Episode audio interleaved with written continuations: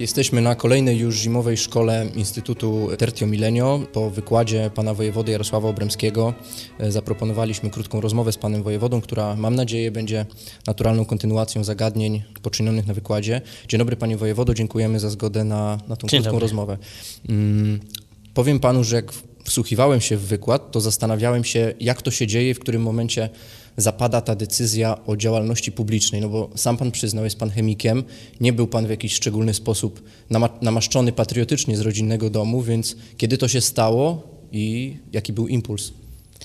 No niewątpliwie dla mnie impulsem był 13 grudnia 1981 roku wprowadzenie stanu wojennego. To znaczy do tej daty uważałem, że trzeba się jakoś tam angażować e, społecznie, ale byłem przekonany, że będę tylko i wyłącznie chemikiem. Natomiast w momencie, kiedy e, zobaczyłem, że niewinni ludzie siedzą w więzieniach, no to trzeba kontynuować pewne rzeczy, które oni rozpoczęli. Się zaangażowałem w, w podziemną Solidarność, ale myślę, że wtedy to był odruch przynajmniej we Wrocławiu dosyć powszechny, więc nic w tym wyróżniającego. Z perspektywy lat y, to była pana zdaniem racjonalna decyzja, żeby nadstawiać karku, wiele ryzykować? No ja bym powiedział nie tylko racjonalna, ale zakończona sukcesem, bo komuna upadła, Polska odzyskała niepodległość, w związku z tym y, uczestniczyłem w czymś y, zakończonym zwycięstwem i to na pewno, y, jeżeli oceniamy często różne zrywy narodowe w kategoriach ich sensu, czy były zwycięskie, czy nie, no to mojemu pokoleniu zdarzyło się uczestniczyć w zrywie zwycięskim. Ale zgodzi się pan, że mogło się skończyć inaczej i wtedy ten bilans byłby zupełnie inny. I przypuszczam, że e, nawet nie przypuszczam, uważam, że dla niektórych e, skończył się tragicznie. Tak? Jednak było trochę ofiar, ale też e, widziałem nawet wśród znajomych no, momenty związane z ich jakimiś osobistymi tragediami.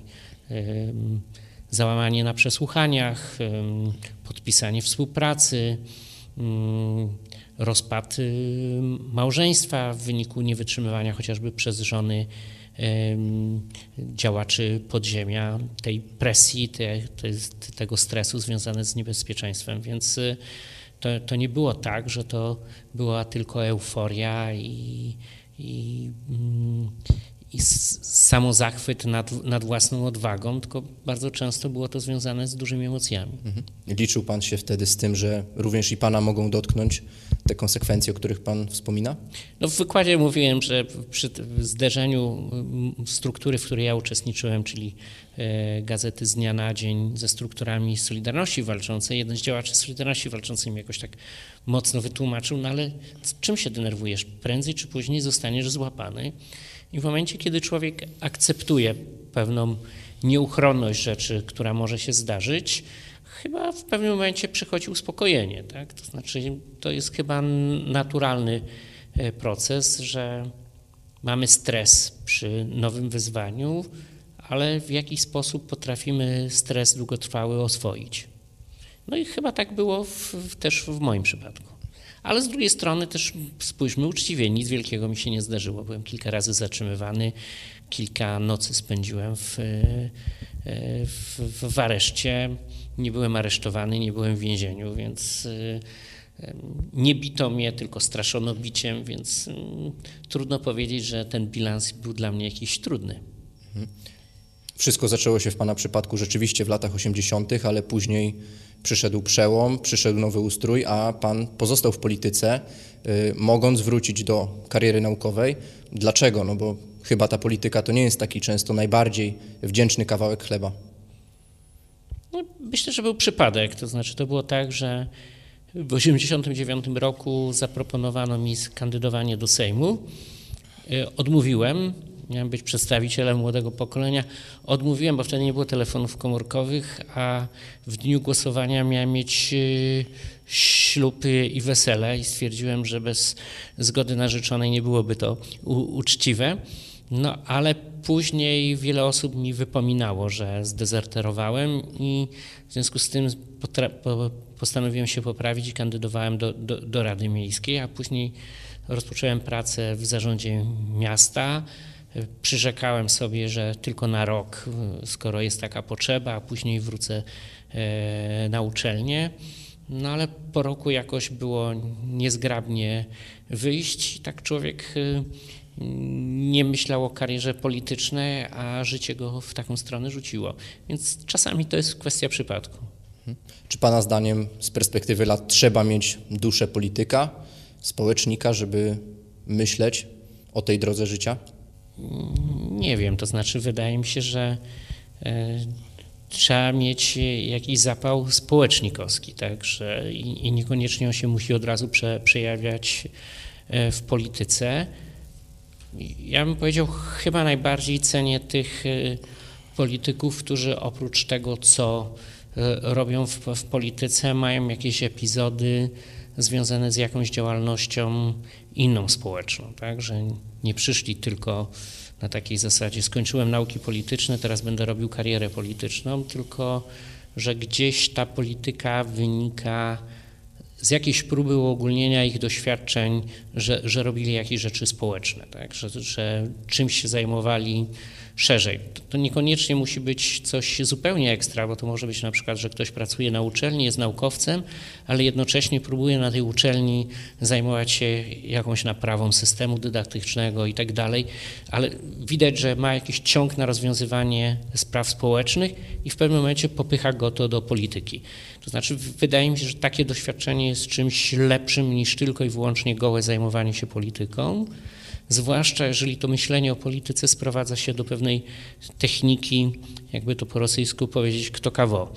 Tak, tylko, że mm, to jest jeden element, który jest ważny, a drugi, i muszę powiedzieć, że takich e, polityków e, w, e, w parlamencie spotkałem, którzy próbują do swojej aktywności znaleźć jakieś uzasadnienie filozoficzne, którzy czytają bardziej skomplikowane książki próbują pewne procesy społeczne e, rozumieć głębiej niż podręczniki do e, mm, e, obsługi techniki mediów. Podejrzewam, że to nie będzie najprostsze pytanie, ale może pokusiłby się Pan o ocenę obecnej jakości naszej klasy politycznej, jak ona Pana zdaniem wygląda, jaka jest jakość szerzej naszej demokracji dzisiaj? Znaczy, po pierwsze uważam, że w całym naszym świecie, naszej cywilizacji jest głęboki kryzys y, demokracji. Wynika on z kilku powodów, to znaczy po pierwsze mm, współczesne media, współczesna wiedza o technikach manipulacji coraz bardziej sprowadza y, politykę do y, takich technologicznych manipulacji. Odbieram, że to jest bardzo, bardzo niepokojące, bo demokracja jest w miarę takim dla mnie najlepszym systemem, o ile nie mamy zakłóconej percepcji odbioru rzeczywistości.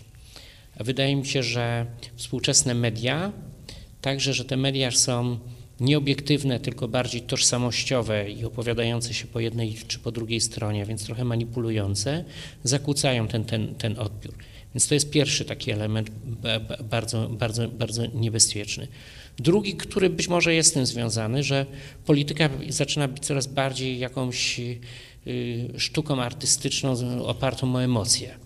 To znaczy kiedyś to było według mnie dużo bardziej analizowanie e, i był czas na analizowanie plusów, minusów poszczególnych rozwiązań, pewnej racjonalności, debaty, w której e, można było o Boże, przyznać rację przeciwnikowi nawet w niektórych rzeczach, no w tej chwili jest, bym powiedział, to poziom emo, emocji z wywijaniem baseballa. Więc to jest gdzieś, i to ja bym powiedział, że to nie jest zjawisko tylko i wyłącznie e, polskie. Na pewno tak jest we Francji, tak jest w Stanach Zjednoczonych. Ten, ten problem e, kryzysu demokracji występuje.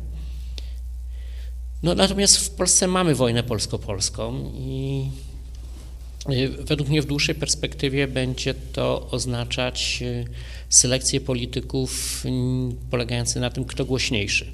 Oczywiście jeszcze jakimś siłą bezwładu będą wybierani ci, którzy byli zawsze wybierani, więc to będzie trochę ludzi o większym doświadczeniu.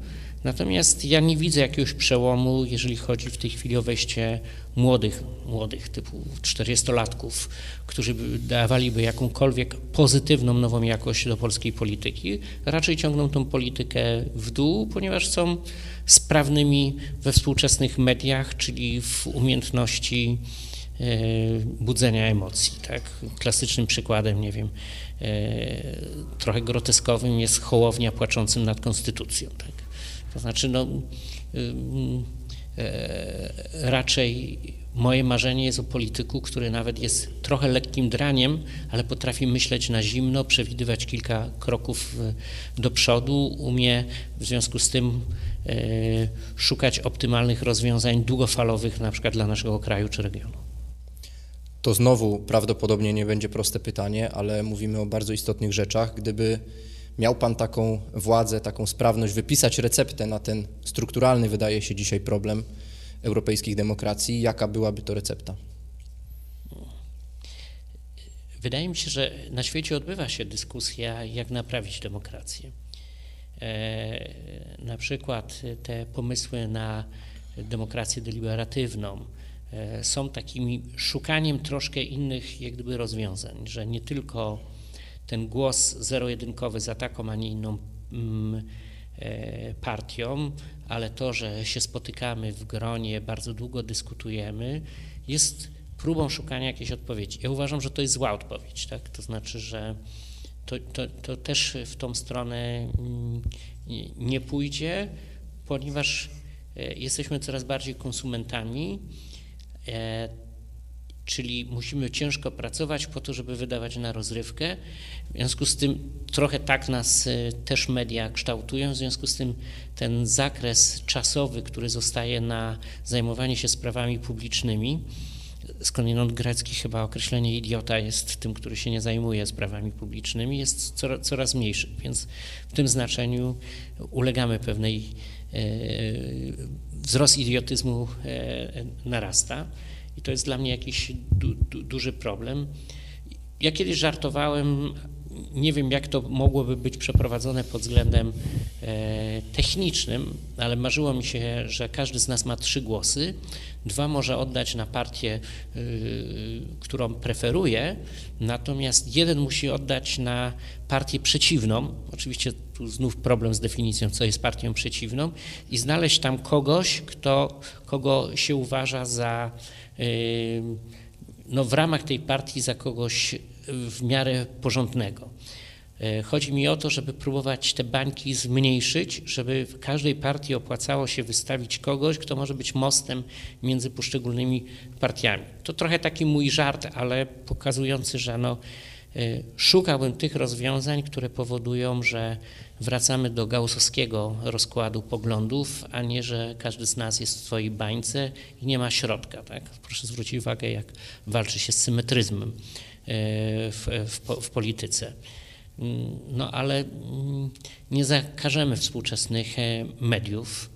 Może mm, wasze pokolenie dużo bardziej oswojone z tymi mediami z, będzie trochę inaczej e, do tego podchodzić. Może to, że nie wiem, może nie za długo w szkołach będą zakazane telefony komórkowe i będzie to społeczeństwo dużo bardziej wyciszone zdolne do jakiejś głębszej analizy niż tylko emocje, bo mam wrażenie, że wszystkie ugrupowania w tej chwili robią kampanię na skrajnych emocjach i mój strach jest taki, że na tym się długo nie pociągnie, że w pewnym momencie musi nastąpić jakieś przesilenie.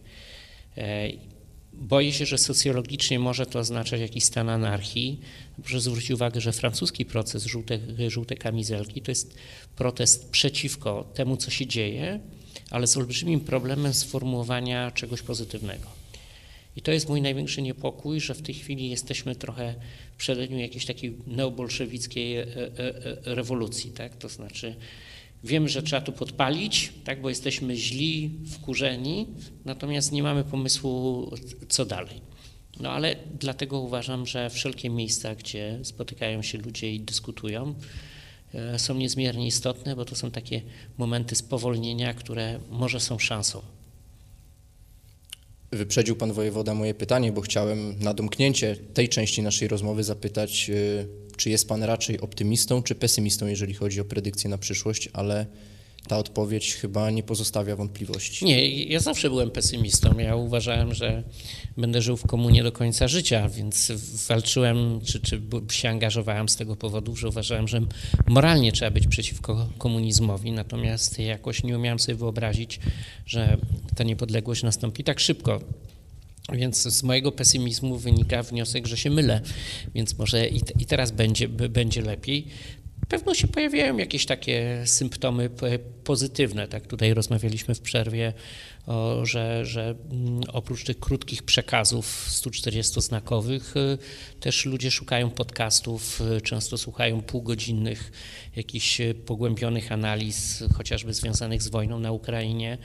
Więc y, powolutku Mm, przynajmniej dla części osób, pewne bardziej rozbudowane formy, gdzie jest możliwość przedstawienia e, alternatyw, gdzie jest możliwość pokazania plusów i minusów poszczególnych rozwiązań, e, one się przebijają do opinii publicznej, więc może w dłuższej perspektywie spowoduje to otworzenie tej bazy do normalnej dyskusji, a nie tylko bicia się na basebole.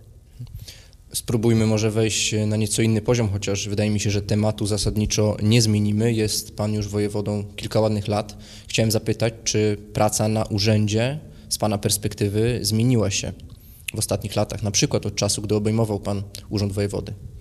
Znaczy, to też mi jest. Y, na pewno jest to zupełnie inne doświadczenie niż to, że przez wiele, wiele lat byłem wiceprezydentem Wrocławia. E, samorząd daje dużo więcej samodzielności, tak? to znaczy jest łatwiej zmienić pracownikom e, pensje, wypłacić nagrody.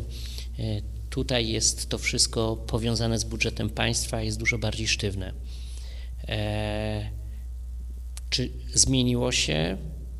Mm, ja bym powiedział, nie mam generalnie żadnych konfliktów z samorządowcami mimo różnych opcji politycznych, bo większość samorządowców kieruje się przysięgą e, na rzecz swojej społeczności i szuka optymalnych rozwiązań poza polityką, ale także takich merytorycznych dla, dla mieszkańców. Więc tutaj myślę, że tak jak było 20-10 lat temu, tak jest teraz.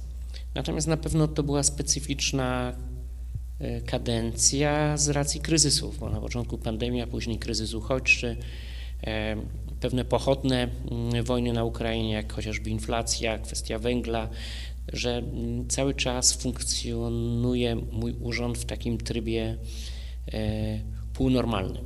I to jest na pewno mm, dosyć duże e, dodatkowe wyzwanie. Pamiętam, jak wiele razy z ust pana wojewody wybrzmiewał taki szacunek dla grupy zawodowej, jaką byli strażacy. I myślę, że to jest odpowiedni moment, żeby zadać to pytanie, bo zapewne łączy was e, jeden element. E, na urzędzie też trzeba czasami gasić pożary. E, chciałem zapytać, jak często w tej kadencji występował pan w tej roli, jak bardzo pana praca była zdominowana, prze, mm, zdominowana przez zarządzanie różnymi kryzysami, którymi trzeba się zajmować. E, w sferze emocji bym powiedział 90% to było gaszenie pożarów, pewno czasowo to trochę mniej. Natomiast e, e, bo my patrzymy na gaszenie pożaru, kiedy ten ogień narasta i przyjeżdżają dziennikarze i robią fotografie, że coś się pali. Natomiast to zarządzanie kryzysowe często jest tak, że ciągiem dalszym, czyli na przykład posprzątaniem po, po pożarze. Więc ja mam takie poczucie, że, że, występ, że te trzy, więcej niż trzy lata były w takim permanentnym kryzysie, że albo y, gaszenie pożaru, albo sprzątanie po pożarze. I znowu pożar, i znowu gaszenie po pożarze, więc y, te, to, pod tym względem na pewno to czas specyficzny. E, ale też czas takiej intensywnej, na dużych emocjach, ale pozytywnej współpracy z samorządem, także z rządem, tak, to znaczy to były, mm, dużo częściej spotykam się z wojewodami na wideokonferencji niż w Warszawie. Profesor Andrzej Zybertowicz w swojej najnowszej książce wspominał o takim zjawisku, jakim jest właśnie permanentne zarządzanie kryzysem, które nie pozwala politykowi w dzisiejszych czasach skupić się w sposób efektywny na swojej pracy, realizować y, długofalowe strategie. Zybertowicz zwraca uwagę i to oczywiście, że tu, tu dotyka Pan bardzo istotnej sprawy, bo Zybertowicz pisze, że takim ewidentną rzeczą dla każdego polityka jest oddzielenie rzeczy ważnych i nieważnych od pilnych i niepilnych i że bardzo często rząd czy premier jest wpychany e, w tematykę pilne, niepilne, a niekoniecznie ważne. E, no i ja myślę, że to jest przy zarządzaniu kryzysowym wielki problem. Jak nie ulec na przykład presji mediów, które często zajmują się czymś, co jest e, drugorzędne, ale ładne czy brzydkie w obrazku i próba wepchnięcia wojewody, wojewody czy dowódcy jakiejkolwiek e, akcji gaśniczej, wracając do, do, do, do, do, takich sformułowań, nie tym, co jest najistotniejsze, tylko tym, co jest y, najbardziej głośne. I, i, i w tym jest problem i e, ja mam takie poczucie, że generalnie media tego egzaminu nie zdają, choć wyjątkiem byłoby pewne milczenie dotyczące tego, co się w pierwszych miesiącach wojny działo w okolicach Rzeszowa. To bym powiedział, że tutaj jakoś e, e, przywróciło mi to nadzieję, że może nie wszystko u dziennikarzy stracone. Czy to też nie jest jakaś taka swoiście rozumiana kula u nogi tego naszego społeczeństwa, naszej demokracji, że politycy, których dzisiaj powołujemy, są tak naprawdę menadżerami różnych kryzysów, są uwikłani w różne szumy informacyjne, które cały czas muszą dementować i ciężko skupić im się na realizowaniu e, długofalowych strategii, wykonywaniu pracy dla tego społeczeństwa. Ktoś mi kiedyś opowiadał, ile PiS wpływało na biurko prezydenta Wrocławia na początku XX wieku. To była taka ilość, że można było wszystko przejrzeć.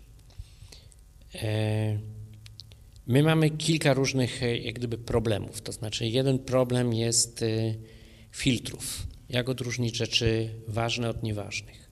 Proszę zwrócić uwagę, że zarzuty na przykład do amerykańskich służb specjalnych związane na przykład z zamachami terrorystycznymi bardzo często są takie, że oni mieli wiadomość i nic nie zrobili. Bo setki tysięcy wiadomości, jak wyselekcjonować te, które są najbardziej prawdopodobne. I myślę, że to jest też wielki problem w tej chwili zalewu informacji, także zalewu informacji medialnych, do których trzeba się odnieść. Kiedyś trzeba było, rzecznik miał za zadanie obsługiwać jedną telewizję i trzy, e, trzy gazety.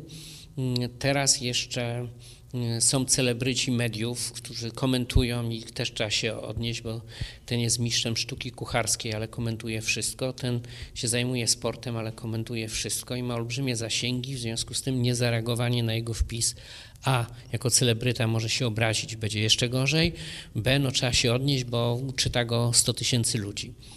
I mam wrażenie, że pod tym względem jesteśmy w jakimś takim szaleństwie, które może oznaczać, że mm, właściwie nic nie trzeba robić, tylko odnosić się do wszystkiego, co jest jak gdyby pisane. E, I z perspektywy tych ludzi, no niezareagowanie na nich jest y, brakiem reakcji tak? I, i obrazą. Natomiast oni nie mają jak gdyby obrazu ilości czasu, które się trzeba poświęcić także na jakąś pracę merytoryczną, a, nawet bym powiedział trochę żartując, ale tylko trochę, jeżeli jest permanentny stan kryzysowy, to istotną rzeczą, żeby nie popełniać błędów, jest też się wyspać. Tak, czyli nie, nie można pracować 3 dni po 24 godziny, bo w pewnym momencie będzie się podejmować głupie decyzje. I to jest też jak gdyby istotny element. Natomiast mamy pewien problem i to jest problem demokracji, czy demokracji połączonej z olbrzymią siłą mediów, jak się zachowywać efektywnie w stanach y, kryzysowych. To znaczy, to jest, y, i to jest też takie wyzwanie, które stoimy w wypadku wojny z Rosji z Ukrainą. Tak? To znaczy, demokratyczny system wymaga nieprawdopodobnej ilości uzgodnień, natomiast często nie ma na to czasu.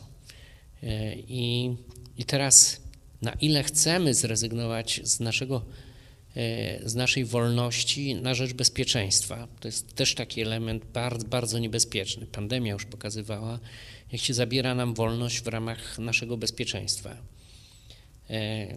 I tu bym w przypadku pandemii bym ryzykował, że wolność ważniejsza, natomiast w przypadku wojny już bym nie miał odwagi tak powiedzieć, więc jesteśmy przed jakimiś wyzwaniami takimi zupełnie nowymi, bo czasami na coś się zgodzimy i spowodujemy jakąś nieodwracalną zmianę, która będzie nas uwierać do końca życia, że nam zabrano część naszej tożsamości, zabrano nam naszą swobodę podejmowania decyzji. Wielu publicystów e, głośno mówi o takim zjawisku jak demontaż instytucji publicznych. Ja bardziej nazwałbym to kryzysem zaufania do instytucji publicznych, który chyba rzeczywiście jest widoczny, że nasze społeczeństwo obywatelskie w ostatnich latach zdaje się mieć dużo krótszy ląd niż kiedyś, niż w przeszłości. Czy pan zgadza się z tą diagnozą publicystów i czy pan to osobiście odczuł e, jako wojewoda dolnośląski? Znaczy na pewno, jak pamiętam, jak mm, na początku tego wieku e, mieliśmy jako władze Wrocławia bardzo wysoką, wysoką mm, ocenę społeczną. Za panem prezydentem Dudkiewiczem było 90% czy 93% mieszkańców. To było dużo łatwiej zarządzać, bo ten autorytet dobrej władzy pomagał rozwiązywać e, konflikty. E, polaryzacja życia politycznego przeniosła się na każdy poziom, nawet na rodziny. W związku z tym na pewno pod tym względem jest, jest dużo gorzej e, zarządzać, więc e, tu, tu jest jakaś duża zmiana jakościowa. Mm, pytanie jest, jaki, w jaki sposób można sobie z tym, z, z, z tym radzić no, mimo wszystko w sytuacjach kryzysowych trzeba, trzeba robić swoje i być odpornym na naciski medialne. Najwyżej później przyjdzie, przyjdzie płacić. Nie, nie widzę innego rozwiązania. To znaczy, to jest ty, tylko taka droga. Nie dostrzega pan wojewoda właśnie takiego zjawiska, które polega na nieustannym delegitymizowaniu y, demokratycznego mandatu różnych polityków? Tylko, tylko ja bym powiedział tak, że proszę zwrócić uwagę, że jeżeli każdy z nas może komentować wszystko, no to pod każdą instytucją um, można krytykować policję obiektywnie, a można dlatego, że nie zgadzam się, że przesadzili, tylko 20 km przesadzi, jechałem szybciej, a oni już się doczepili i wystawiam im jakąś negatywną e, e, ocenę. Ja odbieram, że ta łatwość krytyki i anonimowość krytyki rzeczywiście może podmywać e, zaufanie do, do, do instytucji.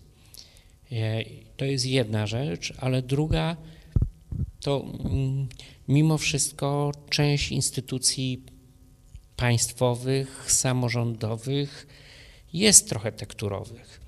I to też wymaga przebudowy mm, strukturalnej, e, być może mniejszej ilości urzędników, ale dużo, dużo, dużo lepiej opłacanych, żeby jakość tych e, świadczeń instytucjonalnych by, by, była, była lepsza. No ale to jest bardzo poważna dyskusja.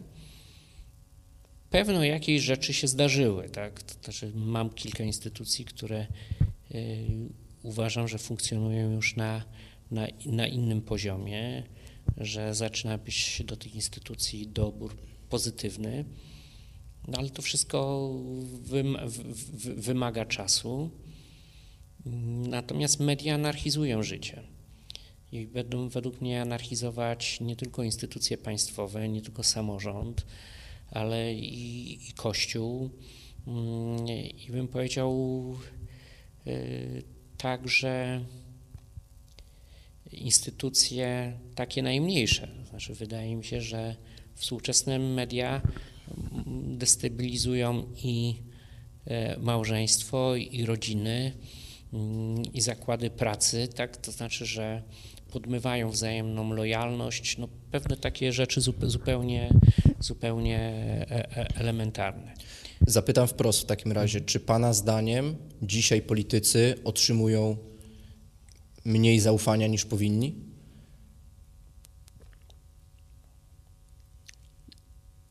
Tak, jestem złego zdania o poziomie intelektualnym polityków, natomiast y, moje doświadczenie parlamentarne jest takie, że nawet u części ludzi, u których podejrzewam złe intencje, była jednak bardzo duża chęć zostawienia po sobie czegoś pozytywnego.